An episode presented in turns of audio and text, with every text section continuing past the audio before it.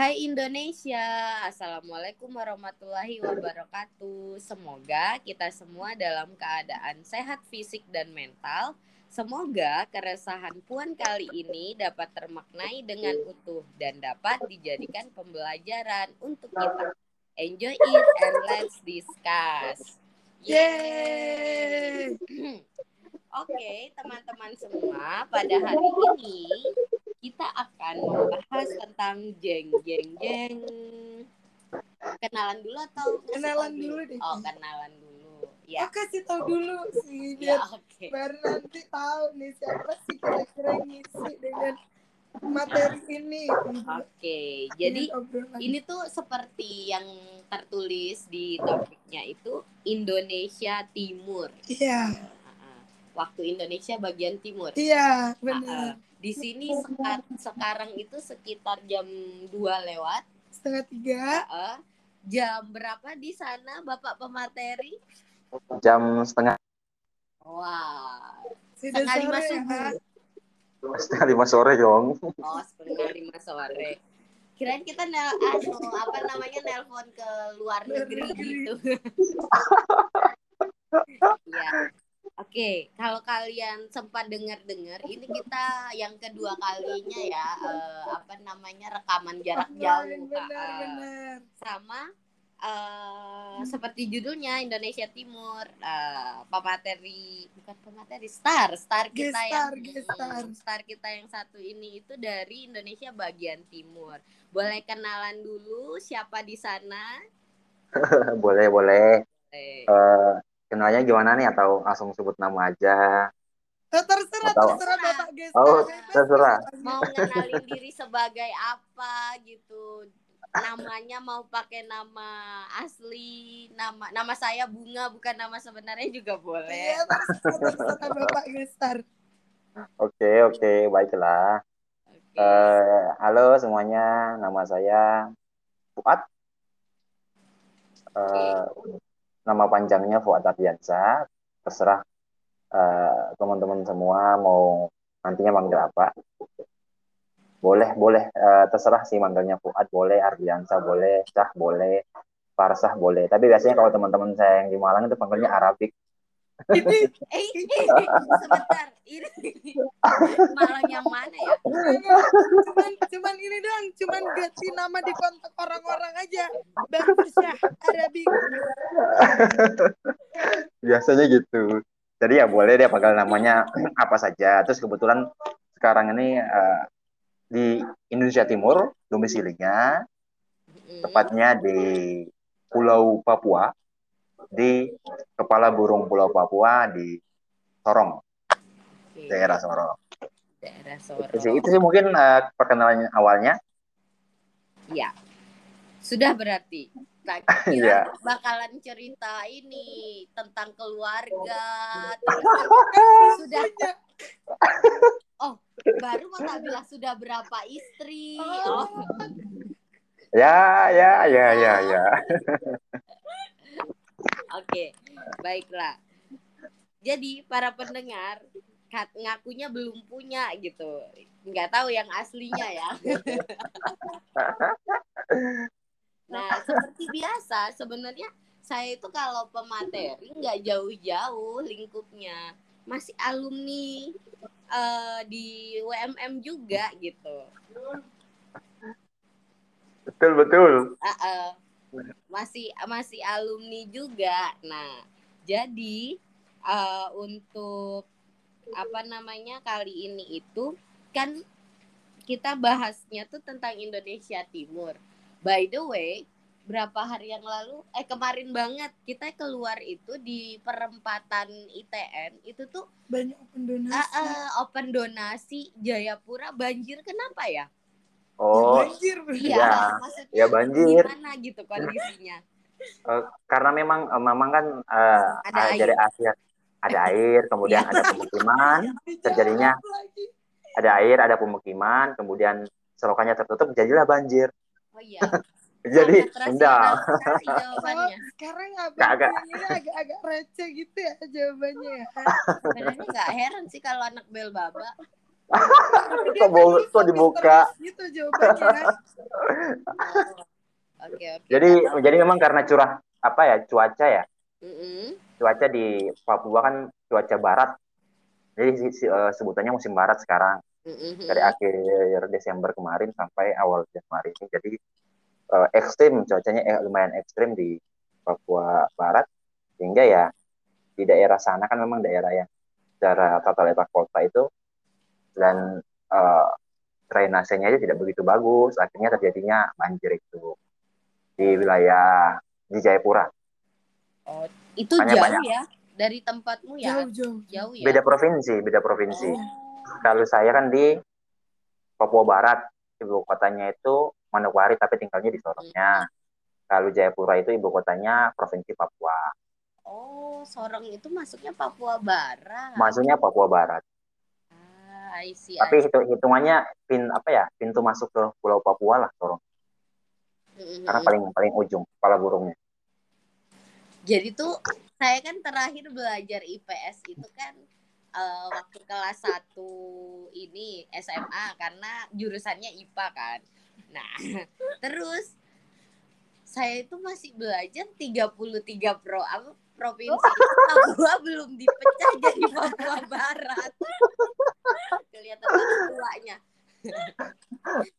Jadi ya maklum lah, nggak ngerti perbedaan antara Papua dan Papua Barat. Oke. Em, jadi sebenarnya mau sedikit informasi buat teman-teman. Fuad ini alumni S1 dan S2 di UMM. Nah, jadi ke Sorong itu bukan karena Fuad asli sana, tapi menjadi tenaga pendidik, jadi dosen di Ah, kebongkar juga akhirnya Iya, enggak karena itu yang menjadi pertanyaan pertama. Benar. oke oke Gimana cerita pendidikan di Indonesia Timur? Jadi bukan banjir yang mau kita bahas. Iya. oke gimana ya Eh, pada dasarnya nah, sama aja penerapannya sama kayak Indonesia kayak daerah yang lain. Hanya memang perlakuannya yang berbeda. Berbedanya gimana tuh? tips-tips kontennya berbeda saja. Eh, kita bicara mungkin dari Indo deh apa sebaran masyarakatnya ya? Boleh, karena nanti akan berdampak ke itu ya. Jadi kalau Mm-mm. bicara Indonesia Timur itu kan dia terdiri dari pulau-pulau dan pegunungan. Gitu. Baik di provinsi utama di wilayah timur ya Maluku Maluku Utara Papua dan Papua Barat Heeh. jadi yang terdiri dari kepulauan dan pegunungan. Nah, jadi masyarakatnya itu terba- ter- terbagi menjadi dua kategori dua golongan, masyarakat perairan sama masyarakat pegunungan. Mm-mm. Nah, di sini kan akhirnya kita bisa bedakan bagaimana interaksi bagaimana interaksi masyarakat pegunungan dan masyarakat perairan. Kalau masyarakat perairan, kebanyakan melakukan interaksi itu pertama sih sama mereka sendiri, yang kedua dengan para pedagang dari luar pulau. Mm. Jadi dari orang dari Makassar, suku Bugis gitu ya, dari Kalimantan, dari Jawa, dari Sumatera banyak melakukan interaksi. Akhirnya kan banyak pemahaman-pemahaman baru nih muncul pada masyarakat asli. Termasuk Nah, multikulturalnya juga termasuk. jadi. Kulturalnya. Akhirnya banyak-banyak akulturasi budaya, pencampuran budaya Mm-mm. antara ah. Nah, yang kedua, masyarakat pegunungan. Nah, interaksi yang dilakukan masyarakat pegunungan ini terbatas. Terbatasnya itu pertama interaksi mereka itu hanya sesama mereka, yang kedua ke- hanya kepada masyarakat perairan ketika membutuhkan pasokan bama, bahan makanan. Jadi hanya sebatas itu saja interaksinya sehingga kalau kita lihat dari tingkat eh, apa ya pemahaman, pengetahuan dan sebagainya, penangkapan eh, apa ya sisi intelektualnya lah Mm-mm. itu lebih lebih menonjol masyarakat yang berada pada wilayah perairan dibandingkan wilayah pegunungan. Sehingga memang eh, dalam tanda kutip yang kita kenal Papua, zaman Papua ya orang Papua adalah orang yang sangat kasar ya karena mungkin tidak semua begitu. Sebagian besar itu terjadi karena adanya eh, Budaya. eh, budaya pada atau yang disorot pada orang-orang di wilayah pegunungan saja.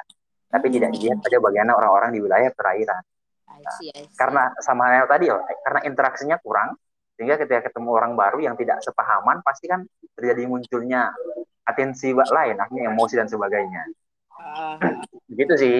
Itu itu dulu itu dulu pengantar pengantar dari uh, bagaimana sih lingkungan pendidikannya. Nah dari situ kan kita akhirnya bisa petakan petakan nih bagaimana sih tingkat pemberian perlakuan pendidikan kepada mereka kepada uh, orang-orang di wilayah timur. Kalau wilayah Maluku, kemudian wilayah Maluku ya Maluku dan Maluku Utara, saya rasa sudah bisa mulai mengikuti wilayah tengah Makassar, kemudian Surabaya dan sebagainya. Itu sudah mulai sudah bisa mengikuti, sudah bisa mengimbangi, ya kan? Sudah bisa mengimbangi. Karena, Karena banyak ya, akulturasi tadi. Banyak sekali. Uh, apalagi kalau wilayah Maluku dan Maluku Utara kan jajaran pulau-pulau nih, lebih banyak pulaunya daripada pegunungannya. Jadi banyak pedagang yang sih mampir, bahkan dari zaman Belanda pun ya sudah terjadi begitu. Jadi mereka masih bisa mengikuti. Nah, berbeda nih sama wilayah Papua. Papua walaupun di sekelilingnya kayak pulau-pulau Raja Ampat, tapi mm-hmm. ada beberapa daerah yang memang pulau-pulau apa daerahnya itu pegunungan. Jadi pemahaman terkait dengan uh, pengetahuan-pengetahuan baru itu sangat kurang, sangat minim sekali. Nah, kalau kita bicara masalah pendidikan tadi, kalau untuk teman-teman yang di daerah perairan ya, sebaran mm-hmm. masyarakatnya di wilayah perairan, itu enak banget nih ya kan. Kita mm-hmm. ajarinnya, oh begini, oh begini, oh begini, oh begini. Namun kalau kita ketemu sama masyarakat yang memang orangnya dari pegunungan, nah itu yang sulit, sulit. itu yang sulit ya, itu yang sulit bagaimana kita menyamakan bahasanya kita. Yo, memang di, di wilayah Papua sendiri pakai bahasa Indonesia. Wilayah Papua sini itu umumnya pakai bahasa Indonesia, tapi hanya memang dialeknya aja kan yang pakai dialek lokal sini, dialek Polynesia kan. Oh. Eh, dialek Melanesia, sorry Melanesia. itu aja. Tapi tadi akhirnya perlakuannya yang beda itu yang buat sulit buat sulit untuk ini ya kemudian karena perlakuannya beda individunya beda makanya kalau kita dari Jawa kemudian kita pakai grade penilaian yang sama mm-hmm. itu sangat jomblang ya kan itu jomblang sekali misal mm-hmm. ya kan misal nih kita mata kuliahnya sosial terapan ya kan? Kayak uh, Mbak Iva ya kan? Sosial terapan pada Mbak Iva. Kemudian tugasnya adalah proyek aplikatif. Kita harus uh, mencari kelompok-kelompok tertentu untuk kemudian mencari bagaimana nilai-nilainya. Oke, kalau semisal yang ditugaskan itu adalah mahasiswa, mahasiswa apa namanya? Di Jawa. Uh, mahasiswa ya, mahasiswa di tapi ya. Bisa kan? Tapi orang asli sendiri sulit, sangat sulit sekali. Oh. itu karena mereka malu untuk pertama tadi ya karena banyak kegunaan orang baru sehingga mereka malu untuk berinteraksi dan sebagainya. Ah, ah, ah. Nah itu akhirnya banyak-banyak permasalahannya itu. Ya.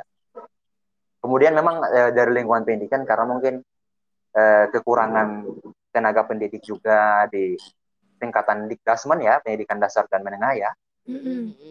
Nah itu juga memang menjadi salah satu faktor pengaruh sih, apalagi di beberapa daerah pedalaman kayak uh, pegunungan Arfa, itu kan daerah-daerah ya pegunungan Segaf, itu kan yang daerah-daerah yang pedalaman banget nih. Ya. Nah itu kan memang uh, tenaga kependidikannya itu sangat kurang sekali. Bahkan kalau mereka masuk itu ya kalau gurunya ada aja. Kadang itu gurunya tidak masuk sampai satu bulan sekarang harus ke kota dulu. Hmm. itu sih ya wilayah juga ya. Itu sih pembangunan juga. Sebenarnya yang efek ke semua sih sebenarnya. Itu dulu deh pengantarnya. Ya gimana Yana Ayo lanjut dulu tadi ada yang mau gimana anda anda oke oke uh, kan waktu itu bapak saya juga sempat menjadi pendidik di sana ya bang ya. Nah hmm. itu tuh masih masih ada nggak sih yang sampai sekarang tuh yang ya mereka belajar tapi udah nggak sesuai sama umurnya gitu. Jadi kayak ya udah dulu SD pun ada yang umurnya sudah 15 17 itu hmm. mereka masih SD. Nah, terus kalau misalnya di tempat kuliah Abang itu masih ada nggak sih yang kayak gitu apa? Oh. Udah udah rata gitu, udah pendidikannya ya udah sesuai oh. dengan umurnya gitu kalau di wilayah di, di kampus sih masih kampus itu masih ya kan bahkan uh, apa ya para para anggota dewan ya kan yang sudah masuk hmm, lima hmm. puluhan itu juga hmm. baru-baru masuk kuliah ya kan baru-baru masuk kuliah dan sebagainya gitu itu masih kalau di wilayah di wilayah ini ya apa namanya wilayah kampus ya.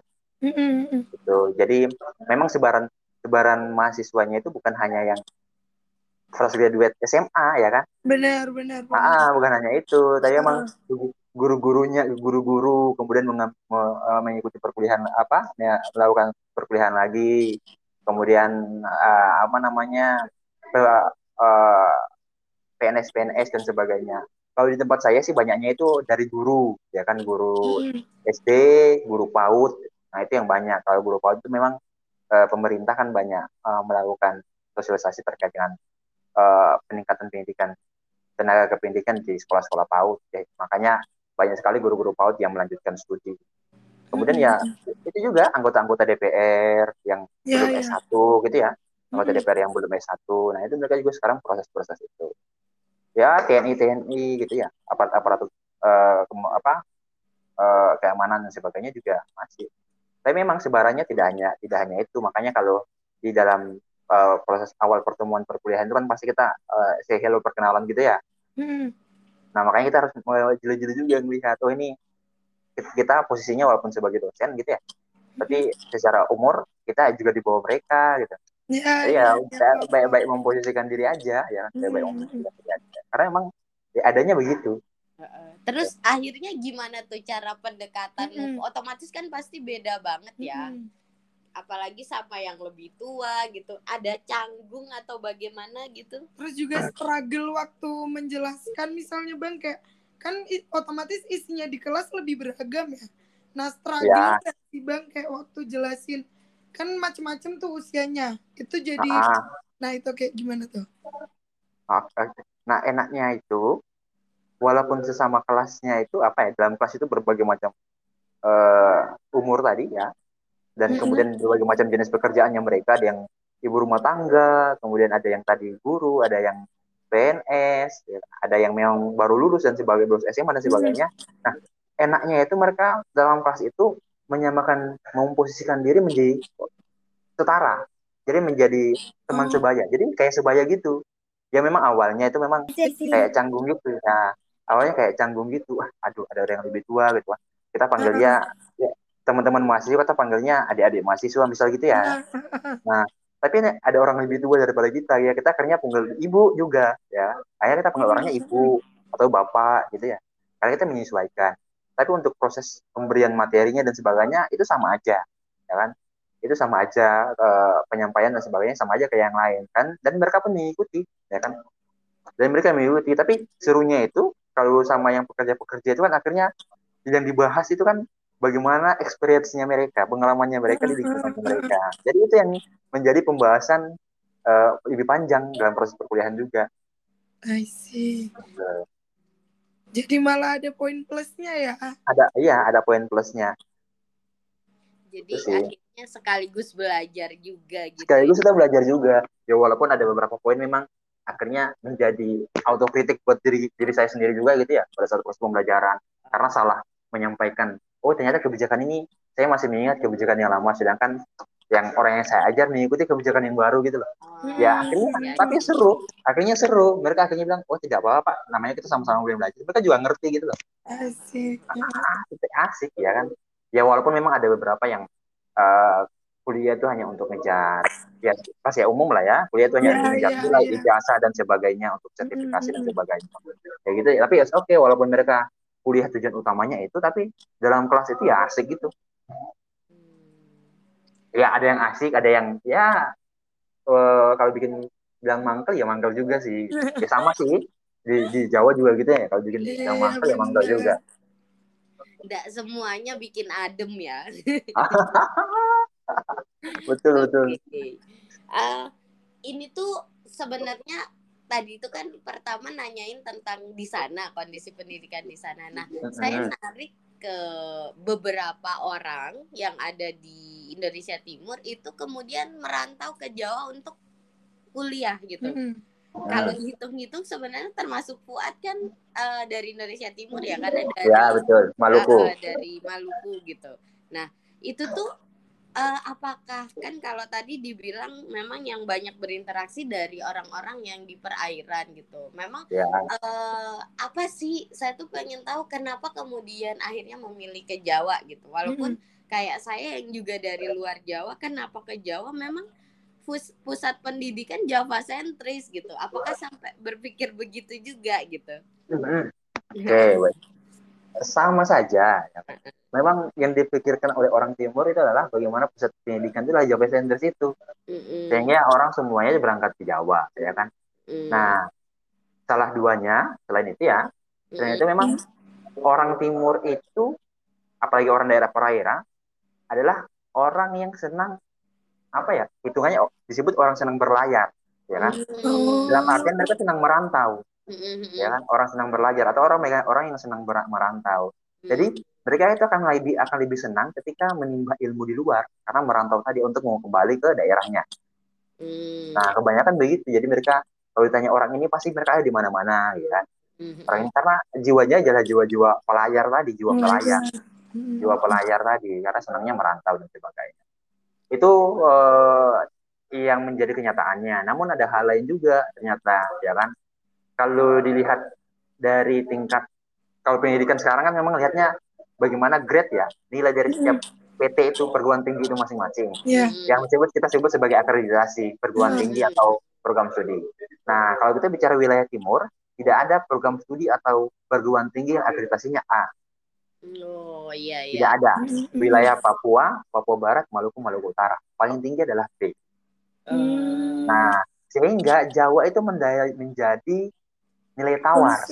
Uh, menjadi solusi. Kalau kita kalau orang tuanya memang berpatokan kepada bagaimana pemeringkatan. Ya bagi yang mampu dan bagi yang orang tua yang bisa mengusahakan. Uh, gitu ya uh, uh, dari jauh itu menjadi nilai tawar ya butuh hanya jauh sih memang ada Makassar. Saya memang punya banyak pusatnya pada Jawa. Menjadi nilai tawar terkait dengan itu dibandingkan daerah lain. Namun uh, kalau kita bicara apa ya Eh, masyarakat-masyarakat yang mungkin di bawah uh, penghasilannya di bawah uh, di bawah itu ah di bawah rata-rata ya itu mereka itu yang penting anaknya kuliah ya sama sih sebenarnya di Jawa. Nah akhirnya kampus-kampus di internal kita itu yang terisi oleh uh, sebaran masyarakat-masyarakat yang seperti itu. Hmm. Tapi kenapa kalau di Jawa yang tadi tadi tiga tiga alasan utamanya tadi? Hmm. hmm, hmm.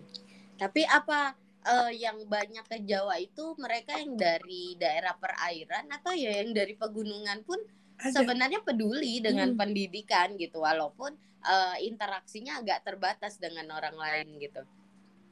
Uh, ada sebagian besar kan daerah ini pesisir gitu ya, daerah pesisir gitu ya. Tapi memang ada daerah pegunungan juga ada. Nah biasanya daerah-daerah yang masyarakat berbagai daerah pegunungan itu ya karena pertama mereka bisa ke sana itu karena memiliki kenalan terlebih dahulu di sana. Hmm. Ya. Yang kedua, adanya beasiswa pemerintah daerah. Oh. Nah, atau yang ketiga adalah beasiswa dari perusahaan yang berada di wilayah tanah adat di daerah tersebut. Ah, uh, I see, I see. Um, semisal kayak PT Freeport, ya kan? Uh, uh, Mereka mengirimkan masyarakat-masyarakat di sekitarnya untuk menempuh perkuliahan. Nah, contohnya begitu, itu yang menjadi salah satu penyebab uh, kenapa banyak juga yang ke sana. Begitu sih.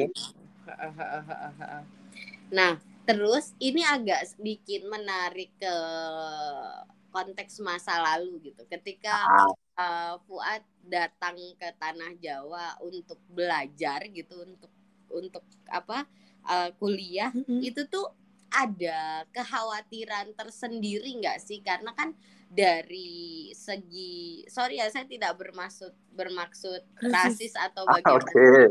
Yes, uh, kan Melanesia itu uh, cukup berbeda secara physically gitu sama uh, orang-orang di Jawa gitu. Nah, terus gimana tuh? Ada kekhawatiran hmm. tersendiri nggak sih?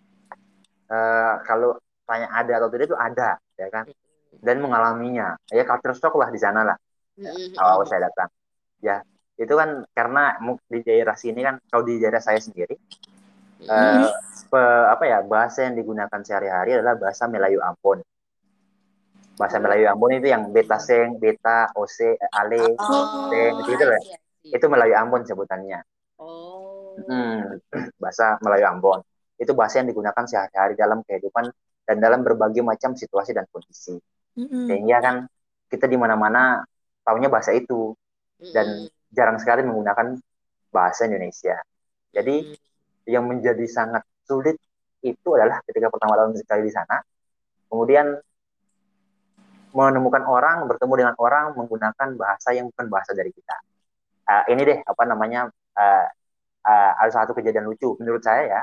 Mm-hmm. Yang itu pertama kali saya sampai di Pulau Jawa. Jadi waktu kalau di bandara kah ini? Iya. Jadi waktu apa namanya? Ini ini terjadi juga karena ketakutan itu akhirnya memunculkan kejadian yang sebenarnya. Mm-hmm. Uh, bahasa bahasa apa ya? Enggak enggak itu enggak tidak itu kalau dalam bahasa Melayu Ambonnya itu seng seng seng seng seng atap itu loh seng mm-hmm. itu bahasa Melayu Ambonnya ya nah kemudian kejadiannya itu pada saat pertama kali saya turun di bandara Juanda Surabaya nah saya eh, kakak laki-laki saya abang saya lah kemudian mm-hmm. sudah disampaikan oleh abang saya oh nanti ketika turun kemudian keluar bandara pintu bandara pintu kedatangan kalau ada yang teriakan tujuannya Malang. Ada yang nomor Malang Malang Malang gitu travel gitu bilang aja seng kakak saya laki saya bilang gitu. Bilang aja seng. Oh saya bilang oke okay, gitu kemudian pada saat keluar kejadiannya terjadi. Ada yang beberapa orang datang ah, Malang Malang Malang Malang kakak saya itu dia tidak mau menghiraukan akhirnya saya kan tidak enak saya menjawab seng seng. Nah saya menjawab sengnya itu orangnya itu bingung. Ya kan orangnya berdiam diri akhirnya tidak melanjutkan. Begitupun sampai sekitar tiga atau empat orang yang bertanya serupa, tapi saya jawabannya sama. ya, adaptasi itu yang susah. Adaptasi itu yang susah. Karena sebelumnya kita sudah punya apa ya uh, budaya di daerah asal kita itu kan sudah sangat uh, menusuk mungkin sampai di tulang-tulang kita ya. Jadi jadi kalau kita sampai di daerah yang memang tidak pernah kita jamak misal akhirnya menjadi ketakutan tersendiri itu terjadi. Dan uh, itu bukan hanya buat saya ya. Tapi beberapa rekan saya yang pada saat saya kuliah juga yang memang daerah timur juga kebetulan di kelas saya waktu saya kuliah S1 itu kan paling banyak orang dari wilayah timur ya. Mm-hmm. nah, teman-teman saya ya. Paling banyak dari Papua ada Maluku Maluku Utara NTT Sulawesi ada. Nah akhirnya semua merasakan hal yang sama. Ketakutan terhadap tidak bisa menerima budaya baru. Itu sih. Atau kayak cerita Abdur nggak sih? Takut sama eh bukan takut uh, belajar dulu naik lift enggak uh, ada ada ada abang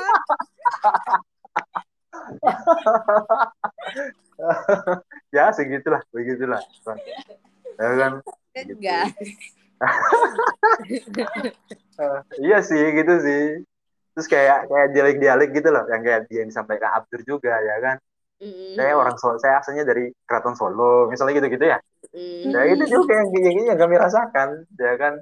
Terus perkenalkan nama saya Fuad saya dari Ambon. Terus si teman-temannya yang disampaikan sumber air sudah dekat itu betul yang kami rasakan. Iya. saat itu. abang, abang mau tanya. Nah gimana? Uh, kan akhirnya dari situ kan uh, ini sih salah satu penyebab ini tapi lebih ke arah Papua ya bukan okay. fokus di Timur Raja tapi di Papua. Salah satu penyebab munculnya gerakan Papua Merdeka itu kan tadi karena adanya perbedaan itu kan bang. Maksudnya secara betul. fisik secara apa dan lain sebagainya. Yang mana akhirnya orang-orang Papua merasa uh, sudah tuh karena sudah memang tidak ada kesamaan lagi mending kita merdeka saja tahu seperti itu kan secara tidak langsung. Nah, untuk hal-hal yang seperti itu apakah sekarang juga masih terjadi Bang di sana maksudnya uh, adegan-adegan Papua ingin merdeka lagi yang sampai ada kerusuhan dan lain sebagainya yang kayak gitu Bang. Betul. Jadi kalau hal itu jadinya itu kayak musiman gitu loh. Tapi hmm. uh, tidak semua daerah, tidak semua daerah. Dan itu hmm. sebagian besar terjadi pada yang saya sampaikan tadi masyarakat yang di wilayah pegunungan. Pegunungan. Ah, dibandingkan oh. wilayah pesisir gitu ya. Nah, terjadinya di sana dan memang tidak setiap setiap, setiap waktu. Paling hmm. mungkin ada case-case tertentu. Tapi kalau bicara bagaimana kondisi uh, perbudakan itu terjadi di wilayah Papua, Nah, kebanyakan itu memang terjadinya di wilayah ini uh, provinsi Papua yang dibandingkan daerah Sorongnya sendiri ya. Hmm. Daerah Sorong sendiri bahkan malahan dibilang daerah yang paling aman ya. Daerah yang paling aman se wilayah se tanah Papua terkait dengan hal tersebut. Jadi oh, kalau daerah Sorong sendiri ya walaupun terjadi ber, ber, uh, hal kayak gitu di Sorong itu ya memang hitungannya memanas, tapi ya biasa aja ya kan aktivitas tetap jalankan hmm. seperti biasa begitu. Paling cuma beberapa satu dua orang satu dua orang. Itu aja sih. Tapi kalau itu masih terjadi masih. Tapi tidak okay. begitu seperti dulu. Kalau hitungan apakah aman bisa dijamin bahwa daerah kami aman. Begitu sih. Terus bang abang pernah baca buku judulnya seakan kita orang setengah binatang nggak? Bukunya ini nggak sih saya saya belum Philip, baca saya ah, Philip ah. Karma Philip Karma. Ah saya ya belum saya belum baca. Saya tahu tahu bukunya saya belum baca. Nah iya. Akan saya sempat baca buku itu kan bang. Terus kayak uh, di situ sih emang yang dibahas tentang rasisme banget ya kayak yang hmm. bagaimana orang-orang memandang orang Papua itu sangat berbeda dan lain sebagainya. Terus uh, selama abang menginjakkan kaki di tanah Papua abang merasakan keresahan akan hal itu nggak maksudnya melihat sendiri nggak hal-hal yang seperti itu rasisme rasisme yang yang terjadi parah. yang terjadi di wilayah sini sendiri uh, uh, uh, uh. di di bukan dari bukan dari bukan dari luar pulau ya tapi di ya. dalam pulaunya sendiri gitu ya betul, ya maksudnya betul. oh sebenarnya kalau di dalam pulaunya sendiri enggak ya ya hmm. ada iya satu dua orang kalau kita bicara satu dua orang doang tapi secara keseluruhan ya tidak juga ya kan tidak juga begitupun ya misal ada bahasa umpatan yang begitu yang ingin dikeluarkan itu pasti tertahan karena bagaimana hmm. kita ingin menghargai walaupun kadang ya jengkel gitu ya tapi kita ingin menghargai hmm. bahwa ya ternyata bukan hanya mereka begitu kita juga begitu ya. itu sih kalau tidak juga sih tidak tidak seperti kasus tahun ya 2019 dulu itu ya di ya, sini ya. sebenarnya tidak ini juga tidak ini tidak begitu biasa saja berarti Kalau... benar-benar media itu apa ya uh, mungkin yang diambil itu cuplikan yang parah banget gitu ya? Iya betul. Itu yang itu yang memang disepakati oleh semua. Jadi sampai ya masyarakat merasa sini juga begitu. Tapi memang biasa saja. Orang di sini ya biasa saja kepada uh, kalau sini kan orang uh, sebarannya itu kan sebaran masyarakat sini kan selain tadi yang dua golongan tadi itu ya. Hmm. tapi ada ada pengkategorian berdasarkan kelahir apa ya kelahiran maksudnya berdasarkan kelahiran itu jadi ada kategori A. Kategori A itu diperuntukkan untuk yang orang tuanya bapak dan ibunya itu orang asli Papua oh, atau iya, iya, iya. nah kemudian ada kategori B yang salah satu bapak atau ibunya orang tuanya itu adalah orang asli Papua. Nah kemudian kategori C itu adalah dia orang tuanya bukan asli Papua tapi dia lahir dan besar di Papua. Dan kategori yang ketiga empat adalah kategori P Kategori P itu adalah kategori pendatang. Jadi memang dia lahir besar semua di luar, kemudian datang merantau atau sekolah di Papua. nah itu sih, jadi eh, biasanya berdasarkan itu dalam proses Berarti apa ya? Kategori C ya bang? Ah kategori C, lahir, lahir ya? Lahir, eh, lahir. Ah, lahir, lahir di sana, di sini, gitu sih. Itu antar kategori itu terjadi kesenjangan nggak sih? Hmm. Dalam keseharian? Terjadinya itu pada saat kegiatan-kegiatan atau event event-event tertentu. Mm. Ya, misal contoh ya kan, contoh belak-belakan aja deh. Uh, saya itu bukan sombong ya, Wais. bukan riak juga. Enggak, enggak apa-apa. Nah, ya, kebetulan sering. Sombong dan riak juga enggak apa-apa kok. kebetulan kan beberapa kali kan uh, sering di uh, bekerja sama sama Polda Papua Barat uh, uh, untuk ya itulah interview sama ngetes apa namanya interview calon. Yeah. ya calon calon pintara calon oh. akpol dan sebagainya. Nah nah ya di di wilayah Papua sendiri bahkan di peraturannya kan otsus gitu kan? Nah kategori itu kan dibangun kan berdasarkan peraturan keotsusannya Papua itu sehingga kalau bicara di antara kategori itu ada kesenjangan, iya contoh kasusnya seperti saya sampaikan tadi, saya kerja pernah kerja di uh, Polda, kemudian seleksinya adalah seleksi uh, anggota Polda. Nah, seleksinya itu dilakukan berdasarkan pengkategorian tadi. Benar, Jadi, benar. Nah, kategori semisal kategori A yang orang asli bapak omaknya, maka grade penilaiannya akan diturunkan, sangat diturunkan kategori benar. ya kategori B itu naikin dikit kategori C itu naikin dikit kategori P pendatang itu disamakan kayak grade nasional oh. begitu contohnya untuk kesenjangan yang terjadi benar sih bang contohnya ada salah satu dari bapak angkatnya bapak saya itu kayak pernah ngomongin hal ini gitu bang kayak kan lahirku Jayapura gitu jadi kayak ya kalau misalnya kamu nanti balik ke sana ada kemungkinan kamu lebih besar untuk diterima kalau emang mau Betul. kerja di sana nah kayak gitu-gitu Betul, karena ya otsus ya. Jadi itu mesti Heeh. menjadi biasa um, rahasia umum dan kewajaran. Kalau memang benar benar oh, orang asli sini sesuai dengan kategori itu tadi itu diemaskan. Tapi orang pendatang bahasanya ya, itu secemburu-cemburunya mereka, mereka akan memaklumi itu. Oh, I see, I Se- se- see. Cemburu-cemburunya mereka, mereka akan memaklumi itu dan mereka pastinya apa ya, akhirnya memperbaiki diri ketika mereka tidak lolos pada event Mm, tertentu. mm, gitu. mm. Itu sih itu yang terjadi. Makanya kalau bicara orang sini, orang dalam se- dalam pulau apa ya, di dalam pulau sendiri, pendatang yang di dalam pulau melakukan rasis ya tidak juga aman-aman saja malah. I see. Hmm. Kirain di Bali aja ada sistem kasta, ternyata Di sini gitu sih pengkategoriannya gitu, karena otsus ya otsus. Hmm. Gitu sih. Tapi apa namanya ada diskriminasi nggak sih dalam keseharian? Mungkin har- eh, logika saya ya kalau di lingkungan pendidikan itu eh, pasti lebih beragam ya lingkup lingkupnya daripada di luar gitu eh, di Sorong secara umum. Kalau di pendidikan kan mungkin tidak semua rekan kerja gitu. Nggak tahu kalau mahasiswa apa juga beragam atau memang eh, hanya orang daerah sekitar Papua aja. Kalau Oh. dosen kayaknya kan beragam ya. Sebaran-sebaran mahasiswanya gitu, Mbak ya. Ah, ah, iya. Kalau sebaran mahasiswanya itu memang kayak ya jelas kita tidak menutup dari daerah lainnya. Jadi memang kalau bicara secara persentase 70% itu memang mahasiswa orang asli Papua. Hmm, hmm, Hmm. hmm. Orang asli Papua itu dengan dua kategori. Mm-mm. Dengan dua kategori di awal tadi kategori A dan kategori B. Nah, Oh. kalau kita itu kategori C itu kita kategorikan sebagai orang pendatang. Kita. Mhm. Kalau di kampus ya, jadi kalau Iya. hitungan bagaimana sebarannya 70% itu adalah mahasiswa asli Papua. Dan eh, di di kampus lain kan swasta eh swasta bernuansa Islam, Islam nih. Mm-mm. Ya kan sama lah kayak eh, kampus saya yang Iya. lama.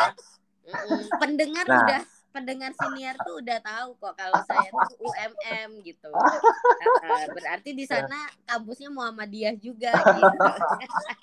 Nah, yang menjadi stereotip atau pandangan orang secara umum bahwa kampus Muhammadiyah itu adalah kampus Islam yang akan menerima sebagian besar adalah mahasiswanya muslim.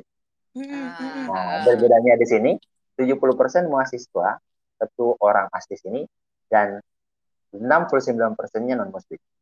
Oh.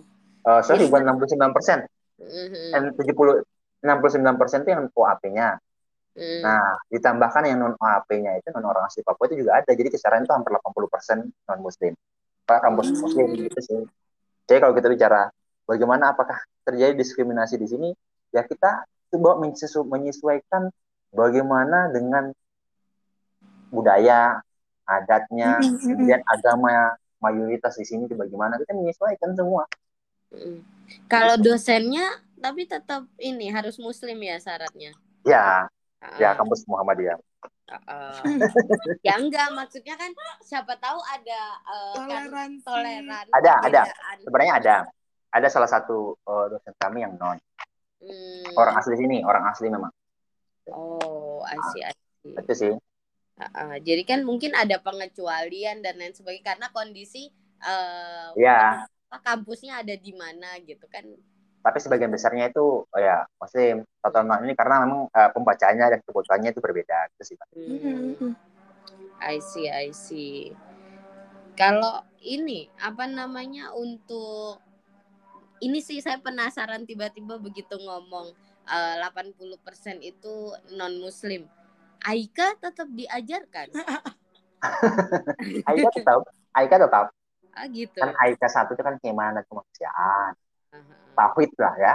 Iya, heeh. Nah. Aika dua, Aika dua kan Islam, ibadah dan muamalah. Aika tiga kan Islam dan eh sorry kemuhammadiyaan, Ke Muhammadiyah.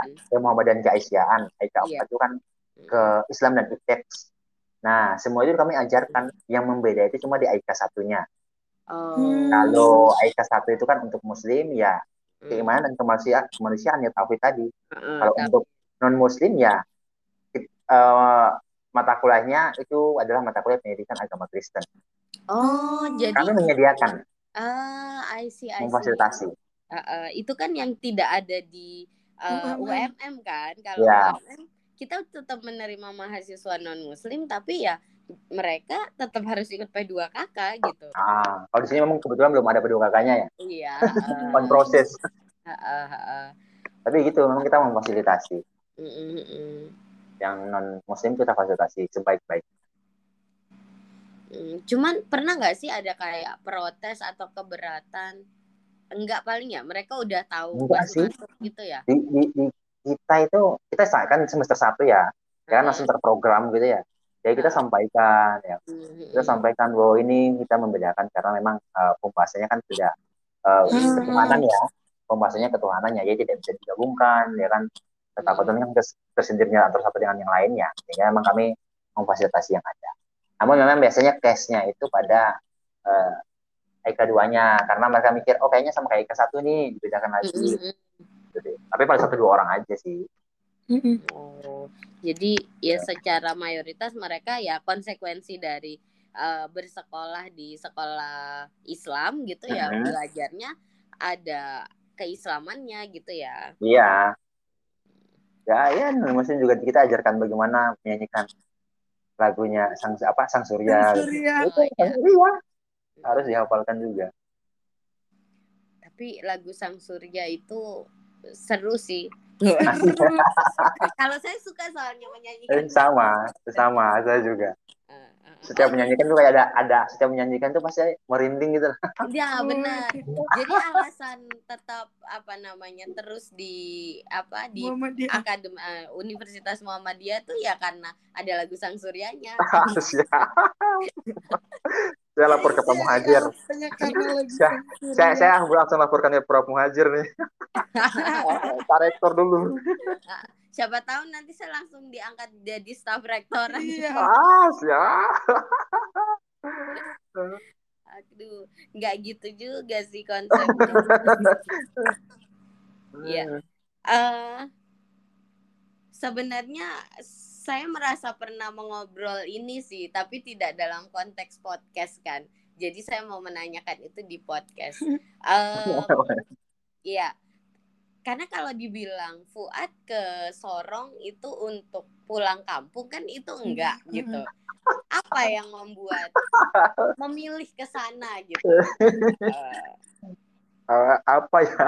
eh, eh, itu kan statusnya pendatang kan? Mm-mm. Iya, Eh, eh, tantangan, Mbak. hmm, tantangan. Asik. Mungkin gitu, mungkin gitu ya. Mungkin mungkin itu yang pas, mungkin. Ya kan?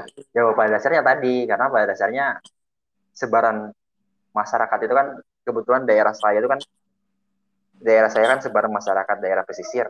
Jadi kan masyarakat pelayar tadi, masyarakat yang senang merantau, sini, sini, sini, gitu ya. Nah, mungkin kebetulan saya di ranah itu, sehingga memang pada saat waktu kuliah itu kan lulus kan sebenarnya kan ada beberapa tawaran, Mm-mm. ya, ada beberapa tawaran yang memang kayak kan ada beberapa tawaran. ada yang menawar, ada yang saya menawarkan diri juga, maksudnya Oh. begitu. Dia berendah. Kalau ngomong. nah, kebetulan di sini juga Duan ada eh, kenalan ada saudara saya juga. kemudian memberikan informasi gini eh, menyampaikan sedi- sedi- sedikit lah ya kan sedikit terkait bagaimana eh, daerah sini oh Mm. psikologi ini baru nih ya kan psikologi ini baru nih terus saya mikir daripada psikologi psikologi yang lain nih di kampus-kampus yang lain itu kan pasti iklim senioritasnya itu tinggi karena mereka sudah besar gitu ya Mm. Udah gitu ya kan ah mendingan kayak yang baru aja tantangannya tuh lebih jelas Mm. dibandingkan yang lain Jadi kayak Gitu memang babat alas sekali Ya. gitu ya. bisa bisa bisa gitu lah Karena insya Allah Fuad dosen psikologi pertama di Universitas Muhammadiyah, eh Keren. Universitas Pendidikan Muhammadiyah Sorong kan ya. betul betul mbak di wilayah timur Itu kan hal yang nanti di sekian puluh tahun ke depan tuh diabadikan dosen pertama kita. Gila sombong apa? nggak apa-apa di sini bisa sombong sesuka hati kok Iya. Nggak ada yang marahin kalau sombong. Ah, ah. cuman mungkin yang dengar bergidik aja Yang apa sih orang ini gitu ya? iya gitu ya Eh, tapi pernah nggak sih dapat kasus apa namanya eh, diskriminatif gitu Karena Kalau- pendatang. Mm-mm, Ah. karena pendatang gitu Alhamdulillah sampai saat ini tidak, Mbak. Hmm. Ya kan? Hmm. Ah, Alhamdulillah sampai saat, saat ini tidak. Dan di daerah saya di, di sini sih hampir semua tidak sih Hmm. karena pendatang ya kan. Nah, ada beberapa pun kasus yang terjadi itu karena eh, didiskriminasi oleh masyarakat asli ya. Itu karena masyarakat Hmm. aslinya dalam posisi mabuk. Oh, Oh, kenapa? Ah, kondisi mabuk. posisi Oh. mabuk ya kan, mabuk Hmm. alkohol ya kan. Mhm. Jadi kalau secara langsung itu tidak ada bahkan mereka itu sangat welcome sekali ya kan. Oh, Jadi uh, eh, memang kondisinya masyarakat di sini semakin baik kita kepada mereka, mhm. maka kebaikannya itu akan dibalas dengan semakin baiknya baik lagi. Ah, iya, iya, iya. iya. Berarti Bang udah eh nggak tahu sih kalau eh, di daerah pegunungan itu berarti udah berkurang lah ya istilahnya kayak yang eh, kalau dulu kan ada banget tuh yang emang bener-bener penolakan buat pendatang halal yang kayak gitu tuh udah Ah, udah udah sih udah kurang sih penolakan tapi kalau Hmm. misal kayak nilai-nilai yang terkandung itu ya ya mungkin masih ada lah ya tapi kalau Hmm. menerima pendatang itu masih apalagi kalau pendatang itu datang dengan niat baik itu pasti mereka sangat menerima tapi Hmm. misalkan dengan niat yang tidak baik ya pasti mereka juga mm, memberikan hal yang sama gitu sih Hmm. tidak ada bahkan saya pertama kali datang itu saya tidak kenal ini siapa dan sebagainya dia menawarkan saya untuk membawakan saya rambutan akhirnya dia naik naik rambutan di dia pulang kampung dulu untuk naik rambutan habis pulang kampung dia bawa rambutannya ke saya Itu mahasiswa. iya Oh, iya, iya, iya. Asik juga sih. saya, saya bukan mas, bukan mahasiswa amunya bukan mahasiswa psikologi ya ah, ah, ah, Gitu. ah. Perempuan. ah bukan Oh, perempuan juga nggak apa-apa loh padahal. eh, eh. aman aman aman tentram iya. sentosa Oke, oke. Hmm, Ya, eh, kira-kira begitu sih. Sebenarnya saya itu pengen tahu apakah berbeda. Karena benar sama sekali wilayah Indo bagian Indonesia yang saya belum pernah eh apa menje ya menginjakkan kaki itu ya daerah Indonesia Timur, Timur. gitu, baik Maluku maupun eh, di Papua gitu. berarti kapan-kapan perlu mengunjungi Maluku dan Papua Pak Ya kalau dapat undangan dari Fuad berangkat saya. ya ya ya Apalagi undangannya kan disertai ini Ini ya disertai tiket. amplop tiket Ah, sih biasanya. langsung batuk Katanya bersedia kak, Gitu, katanya bersedia ini bayarin tiket ke Raja Ampat katanya. oh mana Tapi ada sebelum ke Raja Ampat itu harus nyampe Sorong dulu. Iya benar. Iya, betul. Kan tempat transitnya. Iya, bisa Iya lah itu ya. Kalau saya apa namanya eh, nabung, Bisa, bisa. nanti bilangnya undangannya dari lima bulan sebelumnya ya. Yang besar tuh cuma tiket. Nah, Eh kalau biaya hidup beneran yang kayak di media-media itu enggak sih? Beneran Ah. sih kalau itu. Ah, sekarang enggak juga. Ya sama sih kayak Kalimantan, Sumatera gitu lah harga-harganya. Oh. Dua puluh lima ribu, dua puluh delapan ribu, tiga puluh ribu makanan, sarapan gitu ya. Yang mulai-mulainya nasi kuning ada yang lima ribu, ada yang sepuluh ribu itu ada nasi kuning. Nasi ikan itu masih ada yang lima belas ribu. Oh. Iya masih lah, masih bisa lah. Ah, Masih bisa hidup lah ya. masih bisa lah. Hanya memang untuk satu daerah tertentu itu karena mungkin eh, daerahnya itu kan daerah Intan Jaya ya, Hmm. pegunungan Intan, Intan Jaya sana daerah pegunungan daerah pegunungan itu kan akses ke sana yang susah. Hmm. Nah, Ah, karena aksesnya susah itu makanya harganya juga naik itu sih. benar, Makanya benar. pernah di film apa yang, yang harga saya lupa yang film yang di, yang di Papua itu yang harga yang Laura Basuki yang main Hmm. yang harga beras itu 3 juta di karung. ya karena memang posisinya itu Hmm. daerahnya pegunungan. Jadi aksesnya uh, bicaranya itu karena akses. Iya, karena mm, apa namanya makanan yang diantar ke sana buat dijual ya juga effort gitu ya. Benar, Iya. betul. Jangan, Jangan kan di ya. film bang di tempatku tinggal dulu juga loh. Harga satu Iya. karung apa namanya semen itu tiga jutaan juga. Iya. Tuh. Ya harga apa namanya? Jangan daerah pegunungan, daerah pesisir di Jawa pun sekarang tuh demikian ya. Kalau sudah nyebrang pulau itu kan pasti harganya naik seribu, naik lima ratus gitu-gitu ya. Mm-mm, mm-mm. Ah, uang bensin lah gampangnya begitu sih. Iya. Oke, oke, oke. Saya kira gitu sih sebenarnya kita kalau dari ngobrol-ngobrol tadi saya bisa nyimpulin sebenarnya di mana-mana itu tetap pakai peribahasa di mana bumi dipijak di situ langit dijunjung. Betul.